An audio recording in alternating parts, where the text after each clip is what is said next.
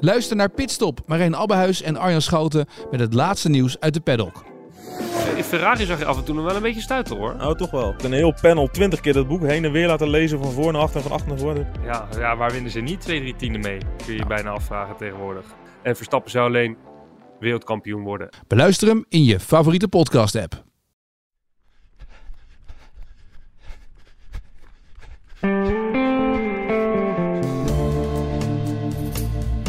Ja, tof dat jullie weer luisteren naar een nieuwe aflevering van de Pacer. Het is maandagochtend, de dag na de 47ste Amsterdam Marathon. Uh, donkere wolken pakten, pakten zich samen boven het Olympisch Stadion. Onderweg naar het stadion kreeg ik zelfs een hagelbui op de kop. Ik zat toen nog in de auto, maar ik moest wel even denken aan al die recreanten en toplopers die wellicht al aan hun warming-up waren begonnen. Vervolgens inderdaad wandelde ik naar het stadion klappertandende recreanten in poncho's, topatleten die zich moesten voorbereiden op een kletsnatte baan. Maar ik zag wel, de vlaggen hingen zeldzaam stil. De temperatuur was eigenlijk vrij aardig en ik denk, hé, hey, misschien kan het toch eigenlijk nog wel gunstig uitpakken voor die toppers. Nou, we hebben Galit Chakut, Chukut, excuses, zien lopen naar 2.08.36. Een geweldige tijdsverbetering, maar geen Olympische limiet, helaas. Prachtige PR. En Anne Luiten, 2, 26, 36.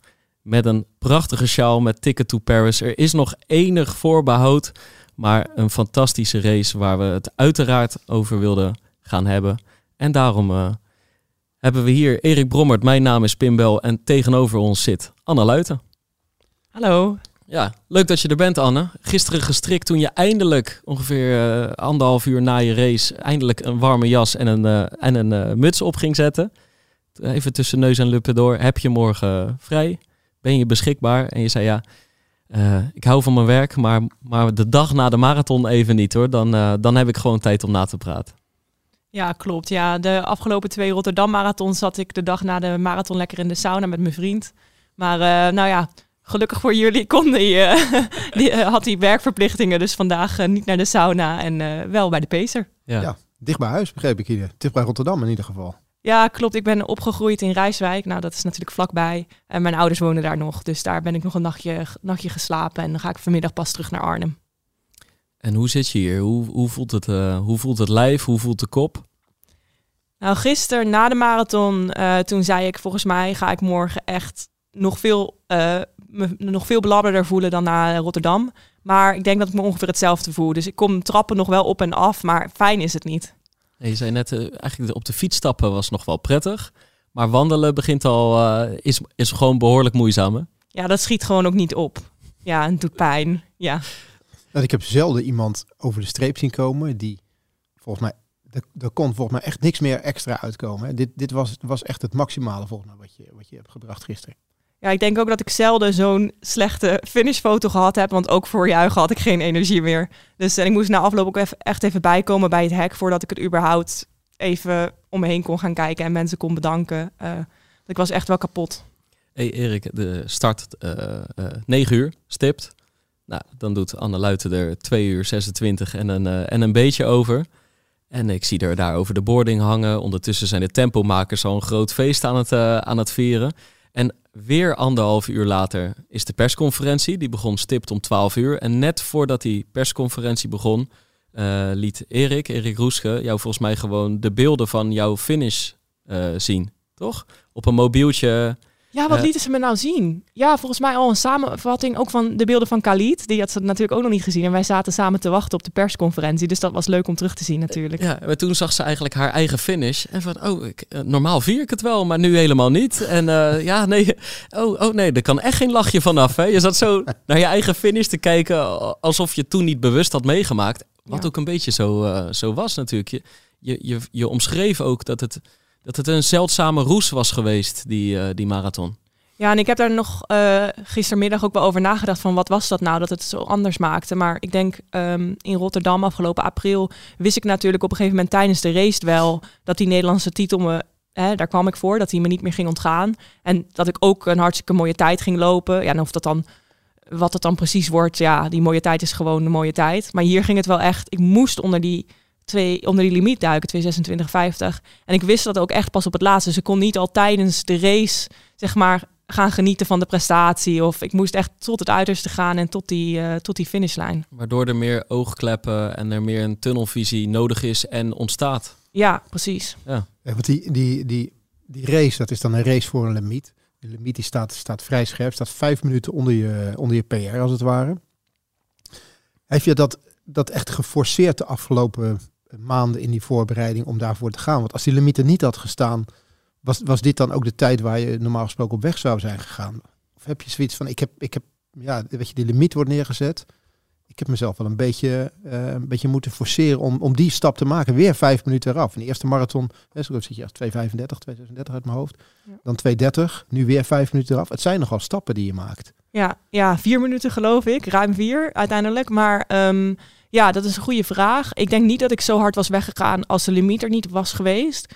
Um, en oorspronkelijk heb ik ook tegen de organisatie gezegd, nou, 228. Um, en ik zie dan altijd pas in de laatste weken, pas een week of drie van tevoren, als ik mijn laatste key sessie heb gedaan, dan hè, kan ik bepalen waar ik echt op weg ga. Uh, maar in die trainingen die ik doe, uh, zag ik gewoon dat ik dat tempo wel aankon in de trainingen. En ik weet van mijn eerste twee marathons, dus als ik, als ik dat tempo bij de langere marathonblokken in de trainingen goed kan lopen, dan kan ik het ook in de wedstrijd. Of tenminste, dat was toen zo. Dan kon ik zelfs nog wat harder in de wedstrijd. En gebaseerd daarop dacht ik, ja, ik moet het gewoon proberen. En ik heb twee keer een, marathon gelopen met een negative split. En waar ik dus eigenlijk op het eind gewoon nog kon versnellen. Dus laat ik nu maar gewoon een keer echt ervoor gaan. En desnoods uh, lukt het niet. En dan moet ik het later nog een keer proberen. En mis, heel misschien lukt het wel. Ja, want gemiddeld weer zo'n 5, 6 seconden sneller per kilometer dan in, uh, dan in Rotterdam. Train je dan ook heel veel in dat gebied? Is dat, is dat echt eh, het gebied waar je, waar je ja, eigenlijk heel veel tempo's in doet? Ja, klopt. Ja, um, John, mijn coach uh, in Arnhem van JJ, JJ Running Team en ik, die benaderen de marathon eigenlijk redelijk uh, simpel. We doen er niet allemaal hele complexe trainingen van maken. We doen gewoon elke week marathonblokken, dus trainingen op marathontempo. En zowel de afstand als het totale aantal kilometers van die training, dat breiden we steeds, zeg maar, de, totale afstand van de blokken en van het totaal breiden we steeds uit. Dus je kunt je voorstellen dat ik begin met, met vijf keer drie kilometer. En dan uh, eindig ik de voorbereiding dit keer met drie keer acht kilometer op marathontempo. Um, dus ja, elke week raak ik wel, train ik dat marathontempo en probeer ik daar zo goed en zo efficiënt mogelijk in te worden. Ja. Het is wel echt een, uh, een ongekend jaar geweest, hè? Je hebt het al een paar keer een soort van samengevat. Vroeger een uh, baanatleten. Wel bij de junioren ook naar een Europees kampioenschap afgevaardigd. En op een gegeven moment nooit echt, echt het idee gehad van... hé, hey, maar hier kan ik op, op wereldniveau mijn carrière van, van maken. Dat is voor anderen weggelegd. Je besluit voor een maatschappelijke carrière te gaan. En, maar ondertussen wel te denken van... hé, maar dan laat ik de baan los. Ook vanwege Achillespees... Uh, blessures die, die telkens maar weer terugkeerden. Maar ondertussen ontwikkel je je zo op die marathon dat je denkt: hé, hey, maar dit begint toch wel weer uh, zeer interessant te worden. Met eigenlijk in, in april dan weer daar het kantelmoment in. Hè? Met die 2.30.59, Nederlands kampioen op de marathon in Rotterdam. Uh, even een goede anderhalve week geleden ook nog nationaal kampioen op de halve marathon. Even tussendoor. Toch ook maar weer wat minder gaan werken om te kijken wat er echt in het vat zit. En dan rolt er gewoon een Olymp gewoon, dat is een fout woord, maar dan rolt er een Olympische limiet uit. Het is wel, het is een, een, een, eh, een onvoorziene ontwikkeling ook wel, wil ik er maar mee, uh, mee zeggen. Hoe, hoe, is dat voor jou geweest? Want je neemt eigenlijk een, een, een bewust besluit om die topsportdromen los te laten en dan langzaam keert dat weer terug in je, in je leven. Ja, ja, ik heb eigenlijk niet veel toe te voegen aan jouw relaas. Zo is het inderdaad We kunnen gegaan. stoppen. We ja. kunnen stoppen. ik hoef niks meer te zeggen. Um, nee, ja, zo is het inderdaad gegaan. Um, kijk, ik realiseerde me wel uh, op een gegeven moment dat ik het niet leuk vond om op de baan te rennen en dan 16.30 te lopen op een 5 kilometer, terwijl ik ooit 16.06 liep. Um, ik vind hardlopen leuk, maar ik ben niet zo'n liefhebber dat ik, het dan, dat ik dat dan leuk vind. Ik ben ook wel competitief. Ja. Um, en daarvoor wil ik dan niet alle andere dingen in mijn leven niet doen, zeg maar. Uh, om dan langzamer te lopen dan ik vroeger deed. Ja. Um, dus dat was eigenlijk de reden ook dat ik toen dacht van, nou ja, op de langere afstanden heb ik nog geen tijden staan, dus kan ik me ook niet vergelijken met mijn vroegere zelf. Um, en toen ging dat, ja, toevallig ging die marathon heel goed en bleek ik daar heel goed in. Ik denk ook wel nu dat ik verhoudingsgewijs toch wel een betere marathonloper ben dan de, op de kortere afstanden dat die marathon mij gewoon heel goed ligt. Maar ja, ik vind natuurlijk ook uh, na Rotterdam, wat voor mij al een sprookje was, uh, het gaat natuurlijk een keer mis. Maar dit weekend ging het weer goed. Dus uh, ja, vind ik ook, sta ik ook van te kijken. Wat, wat bracht jou tot de marathon dan, uiteindelijk? Nou, ik wilde dus afstanden gaan lopen. ik wilde meer naar de weg. Afstanden gaan lopen waar ik niet, geen PR's op had staan. Um, dus toen ben ik wilde ik eigenlijk eerst naar de halve marathon, maar in corona waren er helemaal geen halve marathons. Um, dus uiteindelijk heb ik geloof ik mijn eerste halve marathon pas een paar weken voor mijn eerste marathon gelopen in de voorbereiding. Maar mijn teamgenootje Teerse van de Wolf, die had in um, Rotterdam in die oktober-editie, die gekke editie, had ze heel hard gelopen. En dat had ik ook gezien en ze had er ook heel veel plezier in. 236 of zo geloof ik. En uh, ja, toen dacht ik dat wil ik ook. En uh, ja, het ga ik ook gewoon kijken, kijken wat ik ervan bak. Het blijft zo'n vreemde afstand, Erik. Want uh, ik heb Anne natuurlijk gisteren ook gesproken in bij de persconferentie. En waar ik gigantisch op moest lachen was... Um, aan de ene kant blijft het die, uh, die afstand met, met een enorme aantrekkingskracht. En aan de andere kant zijn er ook wel momenten dat je denkt... ja, wat ben ik in hemelsnaam aan het doen? En we hadden het over, um, uh, over de, aan de limiet voldoen. En, uh, en, afwachten bijvoorbeeld of er nog andere vrouwen uit Nederland dat ook weer gaan doen. Waardoor je misschien een nog snellere tijd nodig hebt. Want er mogen uiteindelijk maar drie vrouwen. En of Anne dus van plan was om in het voorjaar nog een marathon uh, te lopen. Of dat de eerstvolgende dan echt die in augustus moet zijn in, in Parijs. En toen zei ze dat, dat kun je misschien zelf het beste vertellen Anne. Maar dat er tijdens de race ook zo'n momentje was van... Moet wel echt nu gebeuren. Ja, kijk, eh, het was natuurlijk verschrikkelijk zwaar op een gegeven moment. En ik zat 10 seconden onder die limiet. En toen dacht ik wel, ja, uh, als ik hem nu loop, dan hoef ik niet nog een keer, als het goed is. Uh, dan ben ik er vanaf. en uh, ja, dat motiveerde me toch wel om wel echt, ja, als je er nou net, net boven belandt, dan, dan moet je nog een keer. En ik dacht ook echt tijdens de race, nou, ik weet niet of ik dat kan opbrengen hoor, om nog een keer die hele marathon. Want het is ook echt wel doodspannend. De hele race, zeg maar ook. Van hoe ga, wanneer komt de klap? Hoe ga ik me voelen dadelijk? Uh, op 40 kun je ook nog kramp krijgen of kan er nog iets gebeuren waardoor je toch die tijd verliest. Dus ja, dat was wel. Want, uh, want waar, had je dat, waar en wanneer had je dat moment? Was het uh, langs de Amstel? Was het op een industrieterrein? Was het uh, op juist een plek met veel pu publiek? Welke kilometer weet je dat realisatie? Nou, in ieder geval niet nog langs de Amstel, want toen ja. Ehm, tot 20 zat ik heel relaxed en langs de Amstel uh, op de terugweg was het juist zo zwaar dat ik dacht van we gaan die limiet helemaal niet uh, halen. Als het zo blijft regenen dan, uh, en, en waaien, dan komen we helemaal nergens. Tussen kilometer 23 en 27 kregen jullie en de meeste wind van de dag en een ja. regenbui op jullie koppen. Ja, klopt. En het was ook nog zo dat onze hazen die um, zagen op 20 dat we tussen 15 en 20 iets hadden verloren. Dus de groep ging toen ook nog eens versnellen. Dus uh, toen zakte ik ook een beetje weg in het groepje, want ze gingen en versnellen. En uh, met die regen kwam ook de wind een beetje op. Uh, en we regenden nat. Ja. Dus tussen 20 en 25 was eigenlijk het moment dat ik dacht van nou, dit, dit gaat hem, denk ik, dit, dit, gaat wel heel zwaar worden. Als het zo blijft, dan gaat het niet lukken. Ja. Maar toen draaiden we gelukkig naar rechts, weg van de wind. En toen hield de regen ook op. Gingen we het industrieterrein op, waar je ook lekker, lekker door kunt lopen. Mooie brede asfaltpaden. En toen uh, kwam ik die dip weer te boven. Um, dus ik denk dat het, het moet na 30 zijn geweest dat ik op een gegeven moment er dichtbij genoeg zat dat ik dacht, nou, het zou misschien kunnen. Ja. Um, en toen ging wel door mijn hoofd van, ja, als het vandaag lukt, dan, dan hoef ik niet nog een keer.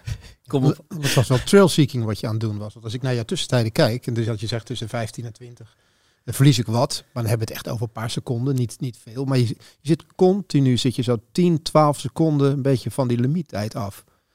Weet je, dat is echt wel op het, uh, op het randje. Je ziet dat ook. Als ik naar jouw race kijk, dan denk ik bij mezelf van ja, gaat dit gebeuren of gaat het niet, uh, niet gebeuren? Omdat het, die, die, die marge is maar 10 seconden zo'n beetje. En dat was eigenlijk heel lang is dat het geval. Wat, wat, wat heeft jou gesterkt en heb je continu geweten dat dat, dat, maar, dat die 10 seconden daar waren. Want dat is, dat is een kwestie van één of twee steken laten vallen en je bent het, en je bent het kwijt. Je had natuurlijk een goede haast had je, had je bij, die daar echt heel steady in was. Ja. Wat, wat heeft jou continu gesterkt dat dit, dat je dit echt ging halen. Ja, of heb je, continu getwijfeld? Het kan allebei. Ja, ik heb continu getwijfeld. Of tenminste, eh, voor twijfel is geen tijd. Daar moet je geen energie aan verspillen. Maar ik wist het natuurlijk helemaal niet dat, het ging, dat ik het ging volhouden. Ehm, waar ik wel een groot voordeel bij had, is ehm, de afgelopen twee edities had ik ook al een hele fijne haas. David Hemstede, een maatje uit, eh, uit Arnhem. Eh, maar die moest er wel, die kon niet tot de finish mee. Ehm, en dit keer had ik wel een haas die tot de finish eh, mee kon. Of eigenlijk ah, was er nog een verdwaalde haas die ook hartstikke goed werk heeft gedaan. Die moest voor een andere groep hazen, maar die kwam bij ons terecht. Ehm, en dat, dus ik moest gewoon bij hem blijven. En ik wist ook verder niet dat ik er echt 10 seconden onder zat. Of ik vertrouwde hem gewoon. Hij zei dat ik er 10 seconden onder zat. En ik eh, hoopte maar dat het inderdaad waar was. Ehm, dus ik dacht gewoon, ja, zolang ik daarbij blijf, dan ja, het is zijn verantwoordelijkheid om mij, eh, zeg maar, op tijd over die streep te krijgen. En als ik een gat moet laten vallen, of hij geeft aan dat ik tijd aan het verliezen ben, ja, dan eh, gaat het mis. Ehm, dus ik, denk dat ik daarom ook niet gelijk over de finish enorm emotioneel was of heel veel vreugde liet zien. Want ik, ik wist het ook echt toen pas dat het ging lukken. Ja, want, want hoe, hoe doe je dat gedurende de race? Ben jij, ben jij een marathonloopster die, die op een gegeven moment aftelt van de 25, oké, nog vijf erbij, nog vijf erbij. En dan maar kijken hoe lang ik bij kan blijven. Hoe, hoe, hoe werkt, hoe werkt het bij jou, zeg maar? Hoe, hoe werk je naar, naar, dat, naar dat laatste stuk toe? Nou, ik weet nog wel dat ik bijvoorbeeld ehm, richting de 40 ook echt dacht van ik moet gewoon richting die 40. Als ik dan nog steeds hoor dat ik nog 10 seconden eronder zit, dan, heb, dan, dan lukt dat laatste stuk, dat haal ik dan ook nog wel ergens vandaan. Maar begint dat, eh, begint dat in dat stuk tot aan de 40 of begint dat al eerder? Beg- Begin je al eerder van ik moet van 25 naar 30, ik moet dat stuk moet ik, moet ik volhouden. Als ik dat heb, dan Ja, ja van tevoren ehm, dacht ik van nou, als ik na 32, als ik op 32 ongeveer nog op het juiste tempo zit, dan maak ik toch wel een goede kans. Ehm, en ik ga steeds ja, van 5 kilometer punt naar 5 kilometer punt. En dan ook nog wel, eh, dan heb je ook nog de drankposten die voor wat afleiding zorgen, zeg maar. Waar je ook eh, super geconcentreerd bezig mee moet zijn. maar kunnen ook voor vertraging zorgen. Ja, alleen ehm, ik was wel heel erg blij met eh, Le Champion, de organisator van de Amsterdam Marathon. Want die hebben echt, echt heel erg geholpen om mij een goede kans op die limiet te geven. Een voorbeeld is dat de dag van tevoren op zaterdagmiddag hadden we de technische meeting. En toen zag ik dat er eh 15 mensen waren, geloof ik, die een, eh, een persoonlijke fietser hadden, die dan het flesje aangaf. En daar zat ik niet bij. Ehm, en in eh, de Rotterdam Marathon toen, ja, daar weet ik zeker dat ik per drankpost ongeveer 2 tot 3 seconden verlies, verloor. Want wat ze doen in Rotterdam is dat ze zetten de mannen aan de voorkant van de tafel. De vrouwen zetten ze helemaal aan de achterkant van de tafel. Die flesjes laten ze dan ook gewoon staan als die mannen weer voorbij zijn. Dus als vrouw moet je helemaal over die tafel reiken om je flesje, hè, de wildste capriolen uithalen om je flesje te pakken te krijgen. Ja, dat scheelt misschien twee seconden. Maar ja, twee keer acht eh drinkstation is 16 seconden. Dat is het Ja, verschil Het geweest. missen van de limiet, ja. En, en acht Dus- keer uit je ritme. Of, of Ja, hè? ja, je verliest gewoon een fractie van tijd, maar wel acht keer. Ehm, dus toen ben ik zo brutaal geweest om te vragen van, nou ja, ik, ik wil echt wel een poging doen op die Olympische limiet. Is er misschien niet toch iets te regelen? En toen zijn zij gewoon ter plekke, eh, hebben ze volgens mij een, eh Andy, dankjewel, een, een, eh, een fietser opgebeld die eigenlijk geblesseerd was, maar op het laatste moment toch ja, ingeschakeld kon worden. En toen had ik dus ook een persoonlijke bottle Ja. aannemer. Ja, dat is wel gewoon. Dat zijn hele fijne dingen. Dus in Ja. dit geval was het niet een. eh, om je vraag te beantwoorden, ja. geen vertragende factor, want het ging heel soepel. Hey, en ehm, na de finish zag ik op je linkerhand allerlei eh, tijden staan en kilometerpunten. En toen zei je, ja, maar ik heb er eigenlijk helemaal niet naar, eh, naar gekeken. Naar die gehoopte doorkomsttijden die je met pen op je linkerhand had geschreven in de, in de vroege ochtend. Ja. Hoe, eh, hoe keek je dan naar de klok? Was het puur het vertrouwen op je, op je hazen? Nou, ik had die tijden met name op mijn hand geschreven, omdat ik wist dat eh, Niels, mijn haas, die had 2,28 achter zijn naam staan en ik wilde 2,26 lopen. Dus, en hij, hij gaf wel aan dat hij dacht dat hij ver mee kon komen. Ehm, en we hebben ook een trainingssessie samen gedaan en daar zag ik gewoon dat, die, dat hij nog heel fris zat. Dat was mijn zwaarste sessie, eh, de drie keer acht kilometer. En die deed hij, eh, nou ja, ik had de indruk met twee vingers in zijn neus. Dus toen had ik wel het vertrouwen van, nou, die, die, die kan wel, die is wel meer waard dan zijn PR. Ehm, maar ja, het had ook zomaar gekund dat hij er op 30 uit was gegaan natuurlijk. Dus die uh, tussentijden waren meer voor mezelf. Ehm, dat ik wist van uh, op welke tijden ik moest lopen als ik laat in de regen alleen zou komen te lopen, zoals in Rotterdam. Um, uiteindelijk bleek dat niet het geval. En um, ik heb toen, ik heb ook wel af en toe nog gekeken, maar ik registreerde dat ook niet meer. Hm. Dus dan zag ik wel een tijd op mijn hand en een tijd op de klok, maar ik, uh, er kwam ook niks meer van buiten naar binnen. Normaal geniet ik wel van wat er langs de kant gebeurt nog best wel lang. En dat kwam ook allemaal niet meer binnen. Dus uh, uiteindelijk heb ik volledig op Niels vertrouwd daarin. En vroeg ik op het eind ook aan hem van... Ja, weet je, lopen we er nog op? Heb ik nog die ruimte? Ja. Um, zei die kop houden, doorlopen? ja, dat nog net niet, gelukkig. Maar hij zei, nee, ja, dat gaat nog. Het gaat nog goed. Hoe, hoe bijzonder was die wisselwerking? Want jullie kenden elkaar nog uh, uh, tot voor kort helemaal niet, niet of niet goed? Ja, het was een soort van uh, uh, toeval dat hij als, uh, of tenminste, ik was op zoek naar een tempomaker en ik liep met David ergens helemaal in het begin van de voorbereiding en die zei nee, het gaat me niet lukken om in die vorm te geraken dit keer. Hè, nog harder dan. Jij wordt ook weer een paar minuutjes sneller natuurlijk. Ja, precies. Ja. ja. Um, en Bram Som, die mij in de eerste Rotterdam Marathon ook gehaast heeft en een vriend is van David, die liep ook mee met die lange duurloop. En die zei nou, ik ken nog wel iemand. Dus Niels en ik, ik had nog nooit van Niels gehoord. En uh, ja, hij woont in Soest. En uh, via Bram ben ik dus met hem in contact gekomen. En hij vond dat inderdaad wel erg leuk om te doen. Um, en toen hebben we wel nog eigenlijk ook op zijn initiatief dan nog een sessie samen gedaan. Dus is hij naar Arnhem gekomen. Um, wat voor mij ook wel fijn was, want dat was dus de zwaarste sessie. Dus dat was wel leuk om een, uh, een trainingpartner te hebben. En we hebben ook samen nog het parcours verkend afgelopen donderdag een stukje. Want hij had Amsterdam al meerdere keren gelopen. Um, dus toen hebben we elkaar in korte tijd toch wel goed leren kennen. En um, ik had uit die sessie die we samen hebben gedaan ook wel gewoon genoeg vertrouwen gekregen.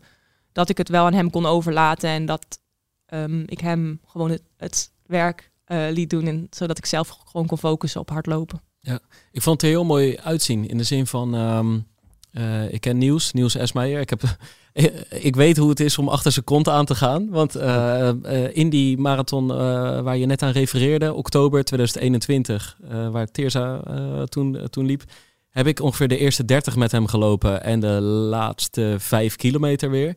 Hij zei: Kom op, bijt je maar vast, volgen. En hij, het is gewoon een ervaren loper, een brede rug, een steady pace. Uh, dus dat is een, uh, een, uh, een goede haas inderdaad. Kon ik me al, ik, zeg maar, ik kon het van tevoren al inbeelden. Maar ik heb zijn nummer, dus misschien moeten we hem gewoon even, even bellen, toch? Ja, zet, leuk. Zet de koptelefoons maar aan. En ik ga ervan uit dat hij wel opneemt, hoor. Toch? Dat moet eigenlijk wel, wel lukken. Dan kunnen we ook even vragen hoe het met zijn beentjes is, Anne. Hij liep, hij liep zelf ook een PR dan? Ja, ja, ja. hij liep zelf ook een PR. Al lachend. Ja, en juichend. Omdat hij, juichend. hij zag dat dat ging. Dit is de eh, voicemail van Niels Esmeijer. Laat een berichtje ah, achter. Dat is probeer ik. Nou? Dit is dit nou. Nieuws, jongen. Dit is je kans. Even kijken. Ik probeer het even via WhatsApp. Even kijken hoor.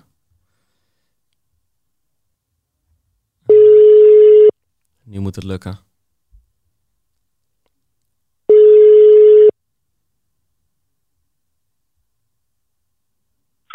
Pim, goedemorgen. Ja, nieuws. Niet alleen Pim hoor. Erik en Anne luisteren ook uh, mee. Goedemorgen. Nou, uh, Pim, uh, Pim, Erik en Anne, goedemorgen. Excuus. Goedemorgen. Hey, heel even. hebben jullie elkaar deze ochtend al gecontact? Hebben wij elkaar vanochtend al gesproken? Ja, we hebben nog even geappt, hè Niels? Hoe we er... Ja, gesproken nog niet, maar via de app inderdaad wel, ja.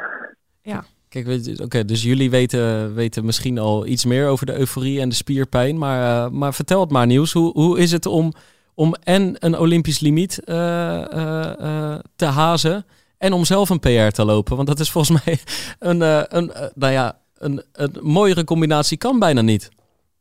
Nee, het is inderdaad een, een mooie combinatie. Maar mijn PR is wel secundair of nou, nog lager op de rangorde dan, dan secundair dan dan de limiet die Anne natuurlijk gelopen heeft. Dus dat was, uh, dat was de, de grote droom en de grote ambitie waar we beide voor gingen. En om daar gewoon Anne erbij te kunnen helpen, dat was uh, fantastisch. Ja. En uh, nou, ik denk dat het mijzelf ook heel veel energie heeft gegeven om mezelf als aan mezelf te halen. Maar dan ga ik Anne toch nog even een precaire vraag stellen. Want Anne, hoe kan je vertrouwen bij een haas die zelf die Olympische limiet nog nooit gelopen heeft? Ja, eigenlijk gek hè, waar dat vertrouwen dan vandaan komt. Ja, ik vertelde net Niels dat ik uit die drie keer acht kilometer die wij samen hebben gedaan, toch wel de nodige, het nodige vertrouwen haalde. Ehm, en oorspronkelijk was het ook wel grappig, want uh, een van de redenen waarom ik uiteindelijk ook besloten heb om echt wel op die limiet weg te gaan, is dat ik uh, wist dat de organisatie ook een groep uh, zou formeren rond die tijd. Er zijn natuurlijk internationale dames die ook die limiet wilden lopen. Dus ik dacht, ja, dan sluiten we met, sluit ik met mijn eigen persoonlijke haas aan bij de groep. Uh, zo hadden Niels en ik dat ook afgestemd. Um, met ook het idee dat, nou ja, als, als Niels dan bijvoorbeeld uh, op een gegeven moment eruit moest, dat, dat ik wel in de groep zat. Uh, maar uiteindelijk is het wel grappig, want is het omgekeerde gebeurd. Namelijk die twee hazen die onze groep hadden moeten begeleiden, die hebben we nooit gezien. um, daar heeft Niels, geloof ik, Niels heeft, schijnt nog wel op een gegeven moment met ze gecommuniceerd te hebben. Dat moet je zo zelf maar even vertellen, Niels. Dat heb ik al, al niet meer meegekregen. Maar en, en mijn haas, Niels, die heeft gewoon die hele groep op sleeptouw genomen. Dus het is wel grappig uh, hoe sommige dingen op papier van de, voor, van de voorkant dan geregeld zijn. En dat het uiteindelijk helemaal anders gaat in de race zelf. Wat was dat dan, Niels? Ja, het was inderdaad uh, een beetje rommelig met de hazen. Dus uh, nou, Dennis, heb je misschien ook, ook al besproken, was de haas van Jill en ik van Anne. En er waren nog twee hazen vanuit de organisatie, volgens mij twee Britse jongens. Uh, we hadden van tevoren even afspraken gemaakt. Zij zouden in Jastus tot 35 gaan. En Erik, even op jouw vraag terugkomend. Ja, ik voelde mezelf ook fantastisch in de voorbereiding. En ja, natuurlijk is de race altijd afwachten, maar ik had er heel veel vertrouwen in. dat, dat ik ook een goede dag zou hebben. Dus het plan was eigenlijk dat de twee hazen vanuit de organisatie uh, tot 30, 35 uh, op kop zouden lopen. En voornamelijk ook het stuk van Oude, Oude Kerk terug naar Amsterdam met de, met de wind op de kop.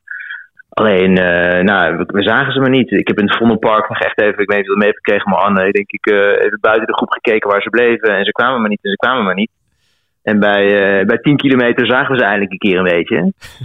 En toen hebben ze één klein stukje op kop gelopen, maar toen gingen we direct weer tijd van de limieten af. En toen, nou, in mijn, uh, mijn beste Engels heb ik gewoon uh, ze vriendelijk bedankt en gezegd: jongens, laat het maar aan ons over, want ik heb niet zo heel veel vertrouwen in jullie. en ja, in die groep viel, nou heeft Anne misschien ook al verteld, maar langs de Amstel een beetje ja, tussen 20 en, en 25 viel die groep een beetje uit elkaar. En ja, toen hebben ze ook niet meer gezien. En toen was er gelukkig nog een, een Afrikaanse man die uh, volgens mij 2,23 had moeten hazen, maar die, uh, die ons het laatste stuk nog heeft uh, kunnen helpen. Dus uiteindelijk is het, is het goed gekomen, maar ik denk op een andere manier dan de organisatie initieel voorzien had. Ja, het klinkt als overwerk, Niels. ja, ik, ik zal de factuur voor de overwerk ook nog doorsturen. Kom nog binnen. Hey, en Niels, jij bent natuurlijk gewoon met die taak bezig, hè? Uit de wind houden, zorgen voor een steady pace, zorgen voor een goede pace, de klok in de gaten houden, ook uh, het asfalt, want af en toe waarschuw je voor, uh, voor plassen, voor natte klinkers. Ja. Maar ondertussen kijk je natuurlijk ook af en toe um, naar Anne. Hoe loopt ze erbij? Uh, voelt zij zich goed? Kun je vertellen wat jij zeg maar zag als je, als je naar haar keek en wat je, wat je op is gevallen tijdens de race? Ja, ja zeker. Ik denk wellicht wel goed om, te, om even terug te gaan naar die trainingen waar Anne ook aan refereert die we samen deden. Wat, wat me toen heel erg opviel was dat Anne ook bezig was met zaken die een beetje buiten haar controle uh, zaten. Ik, haar vriend fietste mee en ze was af en toe drukker bezig met waar Nick moest fietsen dan waar zij moest lopen. Dus ik merkte een beetje onrust en spanning. En nou, we spraken elkaar zaterdag al uitgebreid in het hotel en ook zondagochtend. En ze straalde gewoon heel veel rust en vertrouwen uit. Dus dat was voordat we begonnen al heel mooi om te zien. En dat is dan ook wel gewoon fijn uh, nou, als haast dat je een, een rustige atleet uh, achter je hebt lopen. En dat, ja, dat, dat bleef ook gewoon zo tot aan de Amstel. Um, en ja, het stukje, ik denk dat het pas echt beide uh, begonnen te beseffen van oké, dit gaat erin zitten, maar we moeten er wel hard voor werken. Na halverwege bij, bij Oude Kerk, toen een beetje de, ja, de wind en de, en de regen part ging spelen. Ja, en toen zag ik wel dat Anne wat meer moest gaan werken. Um, maar ook, ja, het stelde denk ik ook zelf al het stuk dat we het industrietrein opdraaien, kreeg ze weer vertrouwen. En ja, dat was, was mooi te zien. Ze ging wel grimassen trekken. En een aantal keer, nou, Amsterdam is niet helemaal vlak, wat, wat mensen af en toe geloven. Een aantal keer moet je toch een bruggetje over of een viaductje over. En ik merkte dat ze daar ook gewoon ja, ging aanvallen. Dus ik zei tegen haar rustig, weet je wel, hou vertrouwen, we lopen steady, ga je jezelf niet verbazen. Dus ik heb het idee dat ik haar zelfs een aantal keer heb moeten inhouden om niet te snel te hard te gaan. Um, en we hadden samen donderdag nog de laatste nou, 6, 7 kilometer verkend met uh, het Vondelpark. Met, uh, nou, het is geen uh, Central Park van New York, maar er zitten ook nog een paar kleine heuveltjes in. Het we hadden afgesproken, hey, tot het Vondelpark, die laatste anderhalf kilometer, dat, ja, dat is gewoon de finish en dan, dan ben je er. Dus vanaf daar was het echt het gaspedaal een beetje ingetrapt naar mijn idee. Maar tot die tijd, natuurlijk had ik het zwaar, maar ik had wel het idee dat zij het besef had dat het zou kunnen. Ehm, en ja, ook het vertrouwen in mijn, uh, in mijn rekenkunsten onderweg. Want ook mijn uh, tijden waren van mijn, uh, door de regen van mijn hand af. Maar ik had het in mijn hoofd zitten. Oh, wat goed. Dus, ja, het was, dat jouw tijden ook, dat, dat jouw tijden ook eraf waren geregeld. Ja, dat is ja. ook wel logisch natuurlijk. Nou, ja, is, uh, zijn we wiskunde, wiskundeknobbel toch wel ergens goed voor. Ja, maar, daar had ik echt um, geen energie nee. meer voor hoor, om tijdens de, tijdens de race nog te gaan rekenen. Nee. Nee, dus ik, ik zat ja, goed in mijn energie. En dat, uh, nogmaals, kijk, Anne zit er voor mij vol vertrouwen in. En dat was gedurende de race. Natuurlijk heeft iedereen het lastig. Maar um, ja, op het moment dat ik omkeek, zag ik wel een, vrouw die super gedreven was. Die er alles voor gaf. En uh, naar mijn idee op het juiste moment de juiste inzet toonde. En de slimme dingen deed. Dus blijven drinken ook. Tot de laatste punt bij het Rijksmuseum hadden we afgesproken. Okay, neem ook die bidon nog op 38. Dus ze maakte gewoon alle juiste keuzes. En ik denk, een perfecte race bestaat niet. Maar ik denk dat Anne wel echt bijna de perfecte race gelopen heeft gisteren. Maar, dus um, ja, dat, uh, dat, is heel mooi om te zien. Maar ook wel met het perfecte haaswerk. Want je hebt, je hebt gewoon kilometers lang met een marge van 10 seconden gewerkt. En dat, ja. dat, dat moet voor jou ook wel risicovol zijn geweest. Want ja, je hoeft maar een klein steekje te laten vallen en 10 seconden is weg. Ja, nee, zeker. Het was, um, uh, nou ja, um, en ja, GPS uh, tijdens de marathon ook in Amsterdam is, is, is lastig.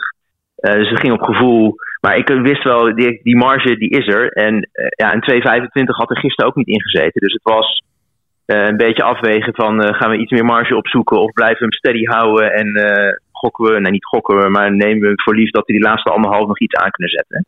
Dus dat was mijn, mijn plan. En we liepen de, de hele tijd zo'n steady zo'n 15 seconden eronder, denk ik. Ik dacht, ja, het gaat gewoon goed. Dus ik had vertrouwen in Anne, ze deden de juiste dingen. Ja, en het is dan heel mooi om te zien dat het zo uitpakt. Maar uh, ik zei gisteren ook tegen Anne, ik had bij 30 al het idee, we gaan het halen. Um, ik had vertrouwen in mijn eigen kunnen, ik had vertrouwen in Anne's kunnen. En dan op televisie ziet het er spannend uit. Maar ik wist eigenlijk al bij 30 dat we het gingen halen. Dus, ik zie Anne hier driftig nee schudden hoor, in, in de studio. ik dacht daar heel anders over. Ja. ja, dat dacht ik echt niet. Toen dacht ik, nou, heel misschien is er een kansje. Ja. Hey, mooi om jouw uh, inzichten ook te horen. En uh, uh, ik ga zo even. Ik, ik hang zo met je op nieuws. Voordat we je natuurlijk een uitstekend herstel wensen. Maar dan ga ik even aan Anne vragen of dit raceverslag klopt. Of dat ze allemaal nieuwe dingen heeft gehoord. Helemaal goed, helemaal goed. Ik, ik, hoor, het, ik hoor het wel terug als de uitzending online staat. Zeker. En we weten in ieder geval voor het betere haas- en peeswerk. Dan, dan, dan kunnen de mensen je vinden. Ja. Hey, perfect. Ja, dan uh, mogen ze altijd bellen. Hey, uh, fijne, fijne uh, ja, uitzending is het eigenlijk niet. Fijne opname nog. Yes, en dankjewel zelf Niels. van je PR. Doeg.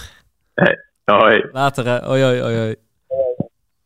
Ja, klopt het een beetje hoe die ons heeft meegenomen langs de Amstel en, en over de natte wegen? Ja, dat klopt wel inderdaad. Ja, ik gaf al aan, hè, bij die Amstel op de terugweg had ik het zwaar. En dat was ook wel mentaal lastig, want... Um, in Rotterdam, ja, je vergelijkt natuurlijk met je vorige marathons. En daar uh, zat ik echt tot eigenlijk na 30 nog wel fris. Dat ik ook tot na 30 mijn uh, mensen langs de kant zag staan en even een handje kon opsteken en kon genieten. En ik wist ook van Rotterdam dat ik toen ik het zwaar kreeg, kreeg ik het ook uh, snel heel erg zwaar. Dus was het binnen één of twee kilometer helemaal gedaan. Dus daarom had ik er inderdaad op 30 nog echt geen vertrouwen in dat ik het wel even ging halen. Ja. Want ik wist van Rotterdam dat um, toen mijn benen eenmaal zwaar werden, ik had ook tussen 35 en 40 in Rotterdam, was, was ik wel vertraagd. Um, dus uh, ja, ik, uh, dat is waarin we verschillen, dat hij, dat hij daar dat, dat vertrouwen al had en ik nog niet. Ja. Maar uiteindelijk was in Rotterdam de tweede helft ook nog ietsje sneller dan het eerste deel. En dat doe je nu eigenlijk weer. Weet je, het is ja. niet, niet, geen, zijn geen grote verschillen, maar het is wel heel erg steady. Ja, klopt. Ja, ik heb in Rotterdam, zeg maar, uh, vanaf de helft tot aan 30, 35 ben ik gaan versnellen. En toen ben ik het tussen 35 en 40 ben ik weer wat verloren. Maar was uiteindelijk de tweede helft wel sneller dan de eerste helft, ja. En nu was ik volgens mij ook weer vijf seconden of zo sneller in de tweede helft. Nou, dat kan ik niet echt geloven, want omdat die dat uh, lastige stuk langs de Amstel zat in de tweede helft al. En uh, ja, vanaf het Vondelpark kreeg ik het echt heel erg zwaar. Was ik echt, had ik echt het gevoel dat ik aan het vertragen was. Maar het was toch. Uh, aan het eind waren er ook wel drie mannen die zich gingen bekommeren om jou natuurlijk. Hè? Dennis ja. kwam er nog bij. Uh, je werd van ja. de tramrails afgehouden en alles. Volgens mij was er geen keus meer dan met die drie mannen. Waar je dat, ja, maar, nee, die maar, kon ik niet teleurstellen natuurlijk. Maar, maar dat is natuurlijk de buitenkant ziet een en al luxe. Weet je wel, mooi omringd. en en, en uh, de lastige punten op de weg worden aangewezen. En, maar, en toch weten wij allemaal, als je een beetje ervaring met lopen hebt, uh, het is een luxe. Je wordt goed geholpen. En op sommige dagen kan je er baat bij hebben. En uh, loodsen ze je er doorheen. En kan je, omdat je zelf een hele goede dag hebt, erin vastbijten. Als je zelf de benen niet hebt, nou, dan kunnen ze wijzen wat ze willen. Dan kunnen ze een steady pace lopen die vlakker is dan Zwitserse precisie. Dan ga je er niks aan hebben, want dan moet je eraf. Dus je hebt gewoon een super, super, super goede dag gehad. Ja, precies. En ik, um, ik wist natuurlijk ook niet waar mijn plafond lag. Um, Dus het was wel aan de ene kant een groot risico om die 226 weg te gaan. Maar um, aan de andere kant, ja, ik heb er nog maar twee gelopen. Dus voor hetzelfde geld zou ik er weer een hap af kunnen halen. En dat is ook gelukt. Maar ja, uh, ontzettend uh, blij natuurlijk met de situatie die gisteren is ontstaan. Met al, dat, al die hulp die je kreeg. Ik ben daar zelf ook wel beseft dat dat een enorme luxe was. En dat ik daar onwijs van geprofiteerd heb. en we zitten nu 24 uur later. Is het een beetje ingedaald? Want gisteren, uh, eerst kom je eigenlijk emotieloos over de finish. Gewoon, nou ja, je hebt 42 kilometer en 195 meter gelopen. Hang je over de boarding. Langzaamaan begint er iets te leven van, hey, wat heb ik gepresteerd? Alleen ja, je wordt door die aangesproken. Je moet van hot naar her. Je moet naar het podium. Je moet naar de persconferentie. Je moet een warme jas aan. Je moet nog gedronken worden, gegeten worden. Het is eigenlijk een soort gekkenhuis waar je in belandt, toch? En wat er allemaal op je afkomt. En dan op een gegeven moment kom je alleen thuis of met nog maar een paar mensen om je heen. Uh, op een gegeven moment ga je naar bed. Je wordt wakker. Ik bedoel, er, er zijn gedurende die dag daalt denk ik langzaam het uh, besef een beetje in. Ja, um, al, ja, ik heb ook twee nachten echt heel slecht geslapen. De nacht voor de race en oh. vannacht weer. Um, dus die, dat slaaptekort komt er dan ook nog een beetje bij. Ik was vanochtend echt een beetje spacey en had moeite me te concentreren op simpele taakjes. Ja. Um, dus het is nog steeds aan het indalen. Ja, ik ben gewoon... Je, je, je moet je je er van tevoren op instellen dat je het gaat doen. Want anders kun je er net zo goed niet aan, aan beginnen als je geen zelfvertrouwen hebt. Um, maar dat het dan lukt. Weet je, ik was uiteindelijk ook uh, natuurlijk best tevreden geweest als ik onder de 2,5 uur uh, was gedoken. Um, maar nu heb ik gewoon de Olympische limiet. Ja, dat is. Uh, aan de ene kant had ik me erop ingesteld dat ik het ging doen. En aan de andere kant dat het dan gewoon weer, dat ik weer zo'n goede marathon aflever, dat is wel echt bizar. En wat gaat er nu veranderen? Um, verandert er iets in jouw leven? In, in misschien arbeid, rust? In uh, sponsors. Ik weet het niet. verwacht je dat er nu iets gaat loskomen? Verwacht je dat je leven er anders uit gaat zien? Omdat er een grote kans bestaat dat je komende zomer naar Parijs uh, gaat als Olympisch marathonloper. Nou, ik heb natuurlijk nog niet heel veel tijd gehad om over na te denken, maar zoals... Ik stel gewoon de vraag alvast. Ja, dat mag hoor. Um, en ik denk dat uh, voor nu is mijn voorlopige antwoord dat ik denk dat ik niet te veel ga veranderen. Want ik ben natuurlijk al teruggegaan in werktijd. Ja, kan ook helemaal stoppen met werken. Uh, maar ik weet niet of ik daar uh, per se een betere atleet van word. Ik vind mijn werk ook uh, heel erg leuk en ik heb het nu zo voor elkaar dat ik ook alle tijd heb voor mijn trainingen en mijn rust. Um, en dit we werkte ook. Hè. Ik heb eigenlijk elke marathonvoorbereiding hebben we een soort van de voorbereiding van de vorige editie gekopieerd, want die ging goed. En dan kleine details aangepast. En om dan nu heel drastisch uh, hele gekke besluiten te gaan nemen, daar denk ik niet dat ik een snellere marathonloper van word. Dus. Nee. want, want je hebt het eigenlijk, heb je het inmiddels gewoon uh, uh, aardig goed voor elkaar. Hè? Met, met een overzichtelijke baan qua aantal uren, qua dagen. Hè, dus er wordt met jou meegedacht. En ja. je zet je in voor het vergroenen van wijken in Arnhem, toch? Ja, klopt. Ja, dus uh, dat is ook wel iets uh, meer dan alleen mijn werk. Daar heb ik ook gewoon een passie voor. Hè. Ik maak me zorgen om, uh, om klimaatverandering. En ik ben blij dat ik door mijn werk daar een heel klein beetje aan kan bijdragen in Arnhem. Um, en dat is een hele leuke baan. En ik werk gewoon van tien uur tot drie uur. Als ik me daaraan kan houden. Hè. Soms verlaat ik het kantoor ook nog wel eens om vier uur of om half vijf. Dat moet ik dan eigenlijk niet doen. Maar um, daardoor kan ik ochtends trainen. in de namiddag trainen. Uh, op vrijdag had ik dan de hele dag vrij. Dan kon ik mijn marathonblokken doen. Want eerst deed ik die altijd op zaterdag. En dan op zondag de lange duurloop er direct achteraan. En dat is wel heel uh, eh, tricky, zeg maar, en ook eh, hoog blessurerisico. Dus die hebben we nu uit elkaar geschoven. Ja, dat zijn allemaal van die kleine verbeterpunten. En eh, we kunnen, ik kan vast nog wel iets verzinnen waardoor ik weer ergens een paar procentjes eh, kan winnen. Maar ik weet niet of dat zit in minder werken per se. Nee. En het, het, het, eh, het paar procent winnen.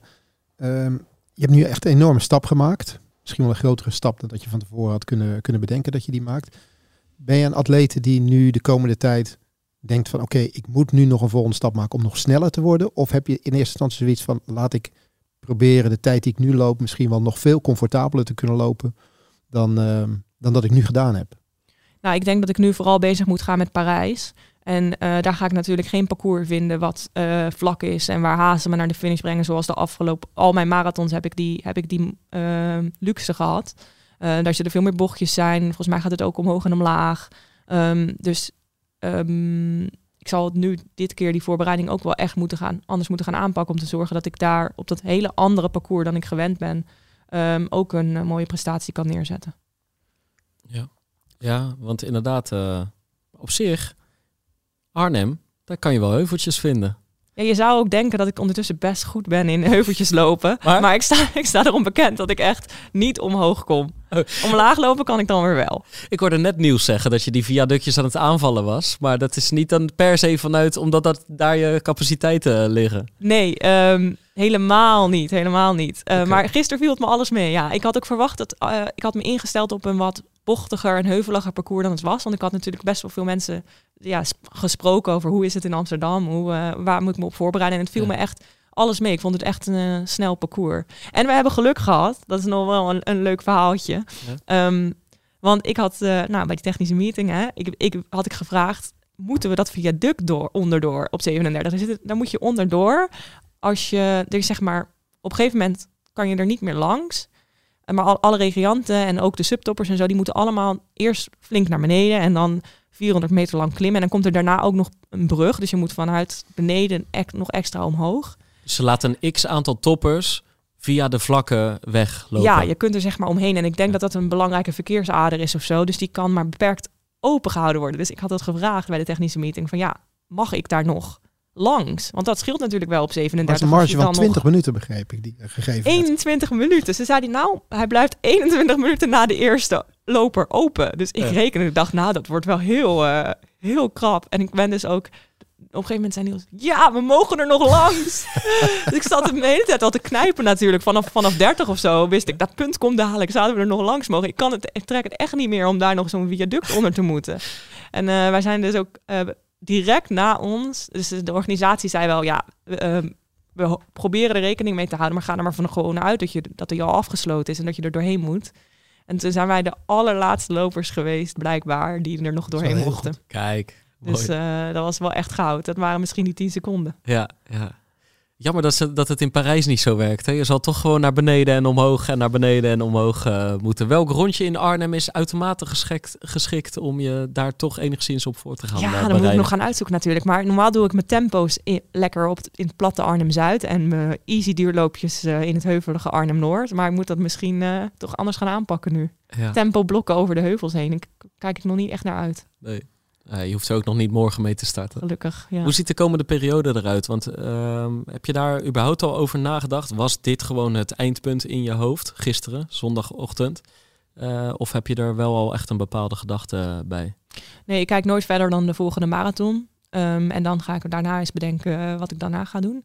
Um, ik heb wel al bedacht dat ik meer rust ga nemen dan uh, na mijn afgelopen twee marathons, toen was ik, ja, ging het zo goed en had ik eigenlijk weinig spierschade en voelde ik me heel snel weer lekker en ben ik ook snel weer gaan trainen met het oog op bijvoorbeeld een baanseizoen. Um, en ik ga nu echt, um, nou ja, ik ga over drie weken trouwen. Dus het lijkt me wel mooi, mooi om de komende drie weken gewoon, of in ieder geval twee, twee à drie weken geen uh, zware trainingen te doen. En voorlopig ook even niet hard te lopen en met andere zaken bezig te zijn. Ook omdat er daarna natuurlijk een hele lange, serieuze periode aankomt tot aan Parijs, uh, als ik daar inderdaad mag gaan starten. Um, dus dan moet ik. Um, dus dat heb ik al wel besloten. Nu even goed rust nemen. Ja, je zegt als je daar mag gaan, uh, gaan starten. Stel dat uh, een van de andere dames uh, jouw tijd weet te verbeteren. Staat er dan nog een andere marathon voor je programma? Of zeg je, dit, dit was mijn poging? Ja, ik heb die beslissing nog niet gemaakt. Ik ga sowieso, ik kan Valencia nog afwachten. Want dat is nog, um, stel dat ik bijvoorbeeld Rotterdam zou doen. Kan ik dat nog beslissen na Valencia, want dan is die voorbereiding nog niet begonnen. Die is natuurlijk begin december en in januari hoef je pas weer te gaan voorbereiden op, op Rotterdam, als ik die dan zou willen lopen. Ehm, maar goed, atleten kunnen ook pas in februari in Spanje eh, nog een poging wagen. Ja, dan kun je niet in een maand nog even voor, voor Rotterdam gaan voorbereiden. Ehm, dus op een gegeven moment moet ik een beslissing maken of ik, of ik het aandurf om er niet nog één te lopen. Ik neig nu naar niet, niet starten nog in een andere marathon. Ja. Want Pim, er kan ook een situatie zijn. Stel, er loopt een van de dames loopt die limiet nog. Sifan moet besluiten of ze wel of geen marathon loopt. Dat heb je ook nog. Dat kan een soort late call zijn dat zij dat, eh, dat, zij dat doet. Ik bedoel, Eh, Hoe ik Sifan tot nu toe ken, is dat ze beslissingen niet lang van tevoren maakt. En ook niet lang van tevoren naar buiten brengt. Die gaat waarschijnlijk gewoon weer tot ergens in de laatste week wachten met... eh, maar dat is zeer onzeker voor de andere dames die zich gekwalificeerd Ja. hebben. Dus ik kan me voorstellen dat er toch wel eerder een besluit van haar gevraagd zal- worden op dat moment. Ja, wellicht dringt de Atletiek Unie eh, daarop aan. Kijk, tot nu toe, ze laat er natuurlijk weinig over los, maar tot nu toe lijkt het erop dat zij redelijk verliefd is geworden op de marathon. En ligt het daardoor voor de hand, zeg maar, voor zover het voor de hand ligt dat je baanafstanden en de marathon op een spelen gaat combineren. Maar het, het neigt er wel een beetje naar. Hè? Als, je, als, als ik naar haar woorden luister, dan, eh, dan lijkt het erop dat ze één of twee afstanden op de baan zal gaan combineren met de marathon. En daardoor weer een unieke com- combinatie zeg maar, eh, op de mat legt. maar het is, nee, eh, kijk, de vorige keer trouwens, wij, wij hadden... En we proberen eh, het alvast een beetje uit te zoeken voor ja. je, Anne. Weet je wel, om het besluit ja. wat Ja, makkelijker dank te al maken, dat toch? eh dit is denkwerk. journalistieke Ja, veldwerk. precies. Ja, ja. Nee, eh, eh, de vorige keer, eh, wij waren natuurlijk naar ehm eh, Gerard Nijboer ge- gereden, Uffelte. Maar dat was de woensdag voor Chicago. Maar die brachten we de woensdag na Chicago uit. Dus voor de mensen die dachten... Hey, vonden jullie Sifan Hassan niet interessant met haar eh, toptijd? Vonden jullie een wereldrecord bij de mannen niet interessant? We vinden het razend interessant. Alleen we, we hadden de opname al op de plank liggen. En waar we ook wel gewoon... We vonden het een fantastisch gesprek met Gerard Nijboer. Dus we hadden niet zoiets... We gooien deze nu van de plank af. En, eh, Nee. dus vandaar. Maar inderdaad, Sifan Hassan heeft aan de limiet voldaan. Jij hebt aan de limiet voldaan. Nienke Brinkman heeft geblesseerd afgezegd. Eh, die gaat nog een poging doen. Wellicht in Valencia ligt aan de herstel. En anders volgend voorjaar. Jill Holteman eh, gisteren tot ongeveer halverwege bij jou in de groep. Ja. Na 30 kilometer uitgestapt. Eh, die heeft ook die Olympische dro- droom. Je hebt het zelf over Andrea Deelstra eh, gehad. Die volgens mij de vorige twee spelen erbij was. Dus je hebt eigenlijk vijf vrouwen waar je met name naar kijkt. Er mogen er drie, tot nu toe hebben er twee. Dus pas bij hè, die vraag die jij net op tafel gooit, begint pas echt te leven zodra zich er vier hebben gekwalificeerd. Alleen omdat, het, omdat de optie er is, ja, hebben we het er wel over inderdaad. Ja. Ja, is het ergens nog lastig, die onzekerheid? Nou ja, het is wel een beetje eh, ook in ja, eh, het eh, denken over je race en zo en wennen aan het idee. Het is wel een soort van lastig dat het voorwaardelijk is. Dus Ja. dat je niet kunt gaan zeggen, ik ga naar de Olympische Spelen, want dat is natuurlijk nog niet zeker. Ja. Ik ben vooral eh, ja, heel erg blij dat gewoon eh, die droom die ik had om die tijd te lopen is uitgekomen. En ik heb ook altijd gezegd, ik focus me gewoon op mezelf. En als ik die tijd loop, dan heb ik alles gedaan wat, wat in mijn macht ligt. En is dat al voor mij gewoon een bovenaardse prestatie. Ehm, de rest moet het nog maar doen. Ehm, en in die zin, ja, als, als ze nog harder gaan lopen en ik mag niet. ehm, ja, het is me wel gewoon gelukt om onder die tijd te lopen. En dat is gewoon voor mij, eh, ja, daar ben ik heel trots op en heel blij mee. Ja. En dat zal ook niet in die zin, ik zal er niet minder blij om zijn als, als ik dadelijk uiteindelijk niet mag. Ja, ik, ik heb het wel gewoon, ik heb onder die tijd gelopen en dat moest ik doen. Ja, en ik wil er toch even over beginnen, ook omdat je eh, gisteren vanuit jezelf eh, iets over vertelde. Je zei, ik ben wel echt heel blij dat ik het vandaag doe, want mijn vader is er gewoon nu nog bij, die kan het zien. Eh, kun je daar iets over zeggen? Want die emoties eh, hingen ook en hangen om jou, eh, ja, om dit sportieve jaar en om die marathons heen. Ja, ik kan er wel kort iets over zeggen. Het is natuurlijk naar Rotterdam al breed uitgemeten overal. Maar ehm, ja, mijn vader heeft alvleesklierkanker. Is inmiddels ook helaas duidelijk dat... nou ja, misschien is er nog experimenteel wat mogelijk. Maar in principe is het, wordt het niet meer beter. Ehm, en dan gaat hij, wordt hij gewoon elke dag een, een beetje slechter. Ehm, hij is, heeft vroeger ook op een heel hoog niveau gesport. Mij Goeie. altijd geholpen met mijn, ja, met mijn, carrière, mijn loopcarrière en me daarin gesteund. Dus ehm, het is gewoon super mooi dat hij dit nog kan meemaken. Dat, dat we weer een eh, leuke week hebben gehad met allemaal mooie momenten. Eh, iedereen staat er ook altijd van te kijken. Die zegt, ja, ja, jouw hele familie die is dan overal op het parcours. Want ik heb zo'n sportieve familie die dan gewoon de fiets meeneemt en overal en nergens op het parcours verschijnt.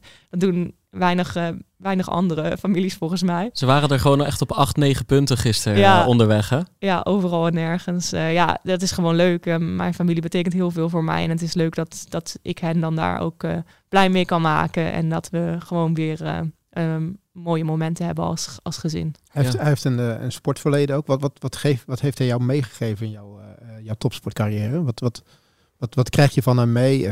Praat je voor de race met, met, hem, met hem daarover? En, en, en brengt, hij, brengt hij nog dingen mee?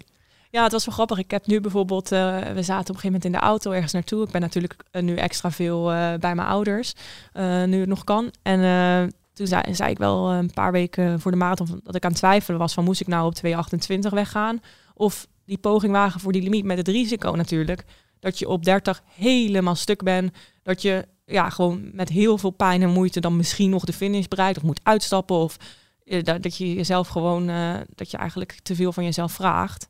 Um, maar ja, dus dat heb ik bijvoorbeeld dan met hem besproken. En toen zei hij wel van ja, je moet het natuurlijk helemaal zelf weten, want hij zal nooit uh, zeggen welke kant ik op moet. Maar um, kan hem altijd om advies vragen. En toen zei hij ja, 2,28, dat is wel een mooie tijd, maar uiteindelijk koop je er natuurlijk niks voor. Je hebt er niks aan. Um, dus toen heb ik uh, dankzij hem wel ook besloten van nee, dan ga ik nu gewoon uh, die, die, trainingen op die, die tijd gaan goed. En dan ga ik er nu gewoon voor. En dan gaan we wel zien hoe het, ja, ja, wat eruit komt. Want ergens heb je altijd wel iemand nodig die, die over die drempel heen brengt. En zegt van oké, okay, dit, dit is het besluit wat ik ga doen. De een legt bij een trainer neer, de ander in dit geval je vader of, ja. of, of, of, wat dan ook. En de trainingen moeten natuurlijk uiteindelijk ook goed gaan om, om je te sterken in dat, in dat besluit. Maar dat zijn dingen waar jullie inderdaad wel over spreken met elkaar. Ja, dus hij uh, bemoeit me niet met mijn trainingen. Uh, hoogstens door te zeggen, Anne, zou je nou vanmiddag echt wel weer, uh, weer gaan lopen? Moet je niet wat rust pakken?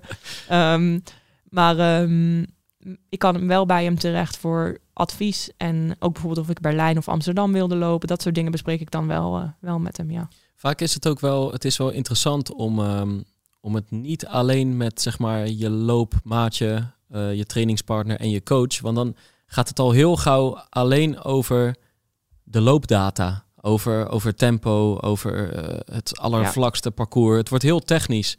Niet alleen maar, want als het goed is kan je met je coach of je loopmaatje ook breder praten dan alleen dat. Maar je bent heel erg geneigd, toplopers onder elkaar, om puur naar de, uh, puur naar de sportargumenten uh, te kijken.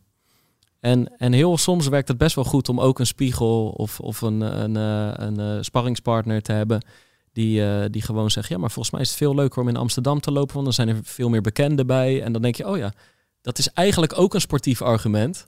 Maar ligt iets meer, de, hè, dat ligt iets meer op de achtergrond wat dat betreft. Of, uh, of, of zeggen van ja, twee, uh, hij zegt 228, 226, een beetje zo schouderophalend. Ja, waarom niet voor het hoogste gaan? Iets, iets wat echt heel waardevol is. En dan kun je altijd nog met je coach besluiten van ja, maar het zit er qua tempo niet in. Maar het is volgens mij wel goed om, dat, om, om ook wat dat betreft sparringspartners te vinden. Ja, ja eens. Zeker. Hey, en waar ligt de ruimte voor verbetering bij je? Oeh. Um... Ze, is er, ze is er nog, volgens mij ze is er nog helemaal niet achter waar de plafond ligt. Nee, maar ja, ja. vandaar ook. Tuurlijk, ja. Onderzoeken waar die ligt. Ja, nou, ik kan me wel bijvoorbeeld dan in mijn werk, uh, uh, kan ik me nog wel uh, soms te veel druk maken. Of inderdaad toch nog even dat extra uurtje werken. Dus daar moet ik sowieso mee oppassen, want dat gaat gewoon ten koste van je, van je herstel. Um, weet niet of ik mijn aantal kilometers nog kan uitbreiden. Ik zat ongeveer rond de 130 voor Rotterdam 1, rond de 150 voor Rotterdam 2 en nu op 170 per week. En op, op het eind gingen mijn knie ook wel protesteren. Um, dus ja, waar is er nog ruimte voor verbetering? Ik weet ook niet of uh, nu helemaal gewoon de hele voorbereiding op hoogte doen, uh, nou, uh, of ik daar profijt van zou hebben. Want dan kan je daar je echte marathontempo niet goed trainen. Dus uh, moet dat al... nog gaan bedenken, ja, waar de verbetering nog ligt. Want je bent nu ook al een maand naar St. Moritz uh, geweest, of drie weken. Ja, maar ik heb bewust inderdaad de eerste drie weken gedaan. En daarna gewoon thuis verder. Um, dus vooral die, als je aan het opbouwen bent, lekker veel rustige kilometers, dat verhaal daar doen. Want ik vind hoogte ook nog wel, gewoon een beetje spannend. Het kan ook verkeerd uitpakken. En zoals ik al zei, ik hou veel vertrouwen uit die marathonblokken. En dat is ook wat mij vertelt dat ik uh, op welk tempo ik kan starten. En die kun je op hoogte, ja, dan moet je de hele tijd naar beneden gaan om daar je marathonblokken te doen, maar dat is ook niet handig.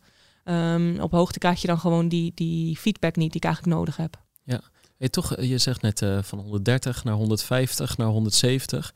170 kilometer in de week. Het is al echt, eh, echt al veel, toch? Hoe, hoe, hoe was dat om, om zoveel in een week te lopen? Je hebt net al een beetje gezegd, op vrijdag doe ik over het algemeen die blokken. Dan is op zondag nog een lange duurloop. Kan je eens een beetje in zo'n topweek meenemen hoe dat dan gaat? Ja, ja op eh, maandag eh, in het begin van de voorbereiding deed ik dan nog zone 2. Dus eh, dat vind ik een hele lekkere training. Dan loop ik een eh, 15 minuten in en dan 40 minuten op tempo 400 per kilometer ongeveer. En dan weer even uitlopen. En dat is gewoon ontspannen hard, maar dan kun je nog, dat is een heel lekker, lekkere training om te doen. En daar train ik ook die efficiëntie een beetje in, denk ik. Die, je uiteindelijk moet je in het begin van de marathon ook heel ontspannen, relaxed kunnen lopen. Nou, dan dinsdag eh, een lange duurloop van 90 minuten, easy in de middag.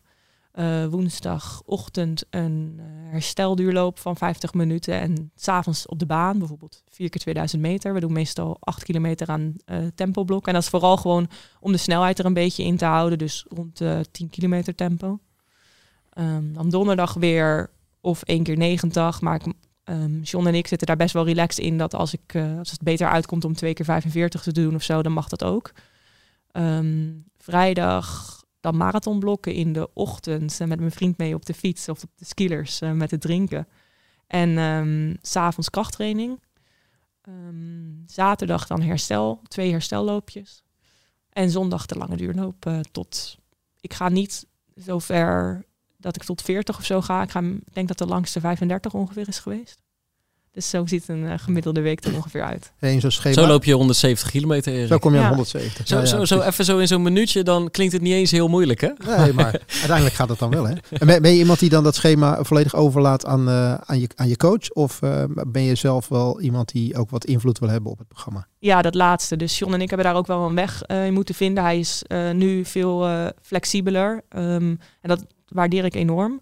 Dus ja, ik wil daar zelf, ik denk zelf dat ik ook wel redelijk goed weet wat ik. Ik voel mijn lichaam natuurlijk het best. Um, en ik kan bij hem ook wel mijn ideeën kwijt. En dan vinden we vaak een middenweg. Of dan moet hij er even over nadenken. En dan komt hij erop terug en zegt hij, ja, dat kan eigenlijk wel. Uh, dus ik vind die samenwerking ontzettend fijn, ja. ja. Hey, nou, zat ik gisteren zat ik, uh, zat ik voor de televisie en hoorde ik het commentaar van Michel Butter. En die, die had het over Kelvin Kiptoum, die loopt het wereldrecord. En die maakt weken van 300 kilometer. Volgens zijn coach. Volgens zijn coach. En, en, en oh, wow. ja, dat zijn, ik vind het extreme aantallen. Maar een van de oorzaken was ook dat hij zei, hij kan die kilometers maken door de schoenen waarop gelopen wordt momenteel. Oh. Want het is minder belastend, herstellen sneller. En buiten het feit dat er um, dat je, dat je meer kwaliteit erin kunt leggen, zorgt het materiaal er ook voor dat je meer kilometers kan maken. Is dat, is dat een visie die je, die je onderschrijft? Of? Oh, goede vraag. Um, ik doe zelf alleen mijn marathonblokken op carbon. En dat is puur omdat ik anders die snelheid niet haal. En uh, ik wil juist dat tempo, uh, hè, wil ik heel efficiënt in worden. Dus alleen op de vrijdag doe ik ze aan.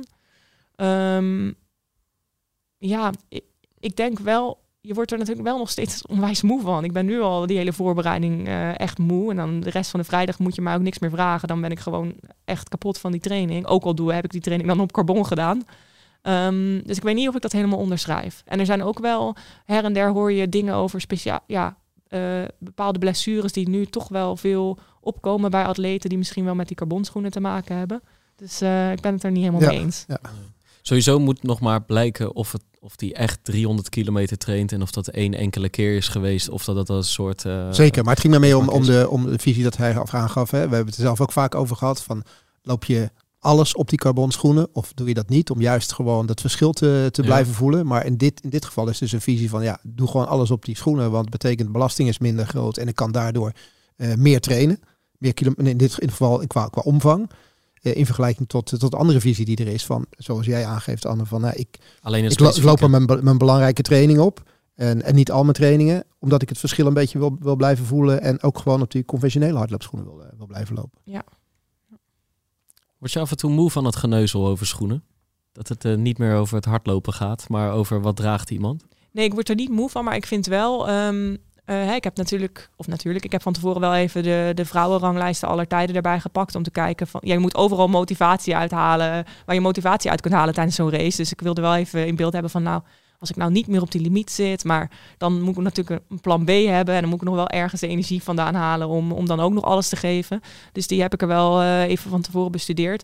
En ik vind het echt onvoorstelbaar dat atleten als Andrea Deelstra en Miranda Boonstra gewoon zonder carbonschoenen ook uh, 227, 226 hebben gelopen. Carla Beurskens. Ja, die werd Ehm, gisteren ook als eerste genoemd. Hè? Jij kwam over de streep. En als Ja, eerste werd er gezegd... van- twee eh, seconden achter, geloof ja, ik. je zat heel dicht op de tijd van Carla Beurskens. En dan heb je Ja. het echt over jaren tachtig.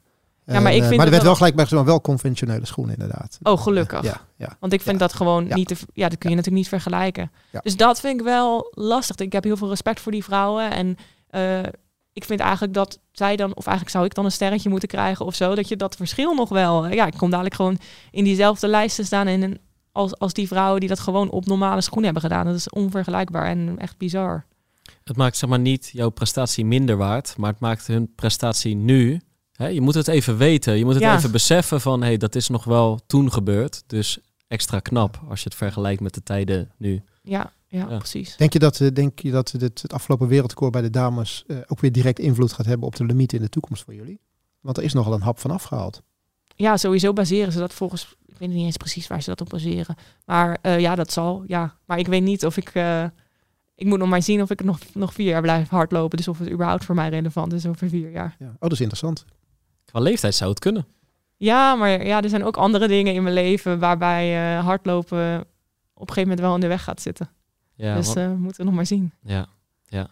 Want inderdaad, ehm, eh, zullen we toch heel even, want die, die eh, volgens mij is het niet op basis van het wereldrecord, maar wel gewoon op basis van Gemiddeld dus. juist gewoon de, de, de kracht in de breedte. En, maar er is, het is nu natuurlijk al veel scherper dan het in het verleden was. Maar we hebben het, we hebben het gezien toen eh, ehm, bij de vorige Olympische Spelen dat er eh, atleten met 2.11 konden, eh, konden kwalificeren omdat toen de nieuwe schoenen nog niet mee waren genomen. Ja. En nu zie je dat die limiet eh, is aangescherpt. Ja. Maar vooral bij de dames nu zie je in één keer dat, eh, dat is toch wel een paar dames denken van hé, hey, het, kan, eh, het kan echt wel richting de 212 en, Ja. en, Ja. en 213.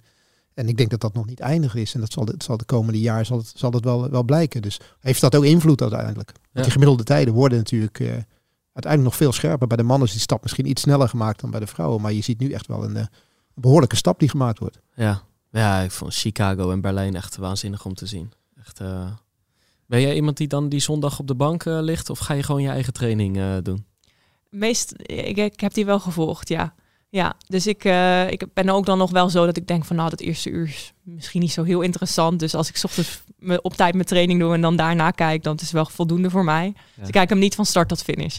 Maar eh, ja, kijken doe ik zeker. En vaak vind ik het dan ook leuk om bijvoorbeeld de Amerikaanse vrouwen op de live tracking te volgen. Of de Australische, de andere hè, eh, elite vrouwen. Dat vind ik dan altijd wel leuk. Want naar wie kijk jij met name? En dan bedoel ik niet van dat je een idool of een voorbeeld hebt, maar zeker nu met Strava en alles, eh, kun je van sommige, eh, eh, ja, je zou het concurrenten kunnen noemen, maar gewoon van andere toplopers, kan je bijna gewoon het volledige programma zien en daardoor soms ook dingen eruit halen, een training of een bepaalde gedachte.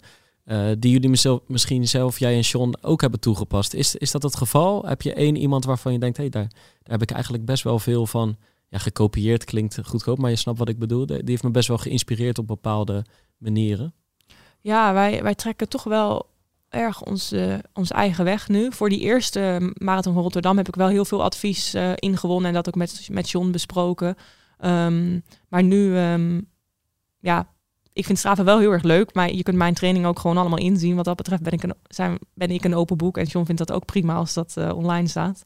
Ehm, en ik vind Strava vooral leuk om met andere atleten te connecten en dan eh, routes van elkaar te kunnen zien en zo. Maar ik heb niet echt, denk ik, eh, bepaalde eh, atleten die ik dan speciaal volg en waar ik dingen van overneem. Nee. Ik volgens mij ook, ja, in de zin van, eh, want het, het is ook allemaal weer bijvoorbeeld één mooie, toffe training. Het is heel moeilijk om dat in je eigen pro- programma natuurlijk lukraak te stoppen. Ja. Want dan gooi je eigenlijk je hele eigen programma overhoop. En die ene training bestaat ook bij de gratie van de trainingen er omheen natuurlijk. Precies, ja. En ik vind Ja. het bijvoorbeeld wel leuk om eh, bijvoorbeeld podcasts te luisteren met wat ik al zei, eh, andere elite vrouwen eh, met name. En als die dan wat vertellen over een training, vind ik dat wel leuk. Ik ben altijd wel benieuwd van hoe ver gaan die dan met die marathonblokken. Hè? Bijvoorbeeld in totaal, ga je tot 30 kilometer aan marathonblokken of tot 20? Of, Dat vind ik dan wel interessant om een beetje te weten. Maar verder niet. En in Amerika, bijvoorbeeld, ik, ik heb bijvoorbeeld Molly Seidel. Die doet eh eh, double threshold bijna, bijna elke week. Toch? Ja. Gewoon dus op één, bijvoorbeeld op de dinsdag of de woensdag, zowel 's ochtends als einde middag, eh, twee keer tempo. Ja, maar bij mij gaat het nu goed. Dus waarom zou ik zeg maar het recept wat we hebben Ja. veranderen? Dus daar maar lekker twee keer tempo doen. Dat klinkt doodvermoeiend. Ja. Eh, ik doe gewoon lekker mijn duurloopje in de ochtend en mijn baantraining in de middag. En het gaat, eh, gaat tot drie hoe marathons goed. Ja. Hoe werkt het dan op je trainingstage in St. Moritz, waar je samen met de andere Nederlandse dames bent? Train je dan wel samen of doe, ben je wel iemand van, nou, ik heb, ik heb vanmiddag mijn eigen programma? Nee, ik ben, eh, dat zal iedereen kunnen bevestigen. Ik ben niet iemand die zegt, ja, ik heb mijn eigen programma. Dus laat mij maar lekker in mijn eentje rondjes draaien op die baan in St. Moritz, terwijl jullie allemaal samen trainen. Dus het was heel leuk in St. Moritz, want ehm, daar waren gewoon, ja, ik heb gewoon training gedaan met Nienke, met Jill, met andere atleten die daar waren. John weet ook dat ik daar energie van krijg. En zo'n training die ik dan alleen zou moeten doen, dat kost me alleen maar mentale energie. En ik moet wel die 170 kilometer per week eh, doorkomen. Dus als ik ergens energie van krijg, dat, dat helpt gewoon dan. Hoe werkt dat? Wisselen jullie, jullie gaan samen zitten, wisselen de trainingen uit die je eigenlijk initieel op het programma hebt staan en, en vind je dan een modus met elkaar? Ja, ehm, ja, hoe ging dat eigenlijk? Eh, meestal was ik wel degene die... Nou ja, dan had bijvoorbeeld een vriendinnetje van mij... die had echt, eh, eh, weet ik veel, 20 keer of 40 keer 300 had die. Nou, en dat ga ik gewoon niet doen. Dat is bizar. En wij doen normaal ongeveer 8 kilometer aan baantempels. Dus toen heb ik 8 kilometer aan 300'tjes met haar meegedaan. En toen zat mijn training erop. En ging zij nog, nog even door. Ehm, of een keer... Of had- zij er nog 15 of zo mocht ze er. ja, toen was zij echt... En ik was, ik was er echt klaar mee. Maar nou ja, uiteindelijk heeft zij wel haar marathon niet... Zij ging ook op die Olympische limiet weg. En eh, dat is haar... eh, zij moest uitstappen al vroeg in de race en had geen goede dag. Dus je moet ook niet te veel naar elkaar kijken. Ehm, het gaat inderdaad om het geheel van de trainingen. Ehm, en een andere keer had Jill bijvoorbeeld acht keer één kilometer. En eh, nou, dat, dat, soort trainingen doe ik ook. Dus dat had mooi samengekund. Maar toen switchte zij weer op het laatste moment. Maar toen was er gelukkig een Duitse jongen en die zei... oh, ik doe wel met je mee. Dus toen had ik alsnog iemand om mee te trainen. En alle easy duurloopjes kun je ook... Ja, het maakt mij, mij niet uit of ik 10 kilometer doe in de ochtend... en 15 in de middag, als dat is wat de rest doe. Dan ga ik niet zelf vijf- 45, 45 minuten doen of zo. Een bepaalde flexibiliteit, als je weet dat het jezelf alsnog helpt, eh, ja, kan je natuurlijk best wel veel baat bij hebben. Als je te, ik, ik was een paar jaar geleden zelf veel meer rigide. Bijna van eh, s ochtends 40 minuutjes, s middags 30. Dan kon ik dat al bijna niet omdraaien. Terwijl als je daar helder over nadenkt, ja, het maakt natuurlijk helemaal niet uit. Die Nee. volgorde van dat soort trainingen die elkaar bijna nooit ontlopen. Nee, nee, ik heb daar echt... Ik, ik ben daar heel flexibel. Misschien eh, soms ook wel te flexibel. Hmm. Maar eh, nou ja, daar is John dan voor om eh, op tijd eh, aan de mouw te trekken en te zeggen dat hij er niet mee eens is. En dan, dan vinden we daar ook een weg in. Ehm, maar ja, het is toch veel leuker om lekker samen op pad te gaan dan eh, strak aan je eigen programma vast te houden. Daar, daar gaat het voor mij gewoon niet, daar loopt het niet op mis. Nee. Dat is misschien dan wel het perfecte plaatje, maar dat is voor mij niet perfect, omdat ik dan eh, met heel veel eh, mentale, energie, mentale energie en weer, eh, wilskracht kwijt ben aan het doen van die training. Dus, en mijn batterij vult zich juist als ik gezellig samen een uurtje met iemand kan kletsen en op die manier mijn training eh, gewoon wegtik. Ja. Hey, en je zei eerder van, ik ben er eigenlijk achter gekomen dat mijn fysieke talent eigenlijk meer bij de lange afstand ligt dan, dan dat het bij de baan lag. Klopt dat qua karakter ook? Want er wordt iets, ja, soms toch ook iets anders gevraagd. Ja, ja, dat is een goede vraag. Ik denk eigenlijk dat eh, mensen dachten dat ik meer een 15 kilometer atleet was. Ook John dacht dat. Ik ben natuurlijk ook best wel lang. eh, niet per se zo'n eh, hele rank kleine atleten die je veel op de marathon ziet. Ehm, maar ik ben, ik weet niet of ik per se het karakter, een karakter heb wat meer. eh, ik ben niet zo geduldig in het eh, normale leven. En dan moet je natuurlijk voor de marathon wel heel erg hebben. Ger- Gerard Nijdenboer vergeleek zich met een wolf. Van die hebben lange termijn doelen. Die kunnen eh, met geduld strategisch naar een doel toe werken. En, en daarom zei hij, de marathon past zo goed bij mij. Maar dat, dat zeg Oh, jij eigenlijk helemaal niet. Nee, Jij nee. zou je ni- zelf niet als een wolf met lange termijn doelen... Nou ja, misschien een beetje, Nee, maar jij zegt eigenlijk, ik heb ook wel eh, het vluchtige, het eh, redelijk flexibel zijn. ja, ik ben gewoon vooral op die marathon, dat, dat past me het best. En daar kan ik mezelf het meest eh, verbeteren. En ik ben competitief, dus doe ik daarom die marathon. Wat maakt het zo mooi, die marathon? Ehm, nou, eh, ja, je weet echt pas ehm, laat in de wedstrijd dat het echt eh, wat eruit komt, of het gaat lukken. Op een tien of een half heb je op een gegeven moment wel eerder door van ik zit lekker in de race, dit gaat een goede dag worden. En op de marathon kan zoveel gebeuren. Dus dat maakt het extra eh, pijnlijk als het misgaat. Je investeert er natuurlijk ook heel veel in, die twaalf weken van tevoren. Maar ook extra vreugdevol als het wel allemaal op zijn plek valt. Volgens mij is het nog helemaal niet misgegaan met jou op de marathon. Nee, dus ik kan er eigenlijk nog niet over meepraten. Ik ben, heb met angst en beven zie ik die dag tegemoet dat het een keer met een keertje misgaat. Het zal, het zal een keertje gaan gebeuren, Ja. maar hopelijk niet in, eh, in Parijs als je daar staat, Anne. Nee, dat hoop ik ook niet. Nee. Dankjewel voor het, eh, voor het gesprek, de day after eigenlijk, de morning after. Ja, dank jullie wel. Leuk dat je naar de studio in Rotterdam wilde komen. Je gaat weer eh, terug en dan, eh, dan wacht. Dit is een hele podcastdag volgens mij, want je zit ook nog bij onze collega's van, eh, van Naar de Vaantjes vandaag. Ja, klopt. Ja, dus dat is hartstikke leuk. Ja, en allerlei kranten schrijven over me. Ik weet niet zo goed wat er allemaal over me heen komt, maar het is wel allemaal heel leuk. Ja, Het is heel goed voor het plakboek voor later. ja, precies. dankjewel. Eh, wij hebben allerlei plannen, maar zoals eh, de traditie voorschrijft, vertellen we daar allemaal vrij weinig over, Erik. Nee, het lijkt me niet zo goed plan om dat te doen. Dus wij, eh, we, dit- we zien wel wat er komen gaat. Komt wel. Ja. Tot die tijd, blijf lopen, blijf luisteren en tot de volgende Pacer.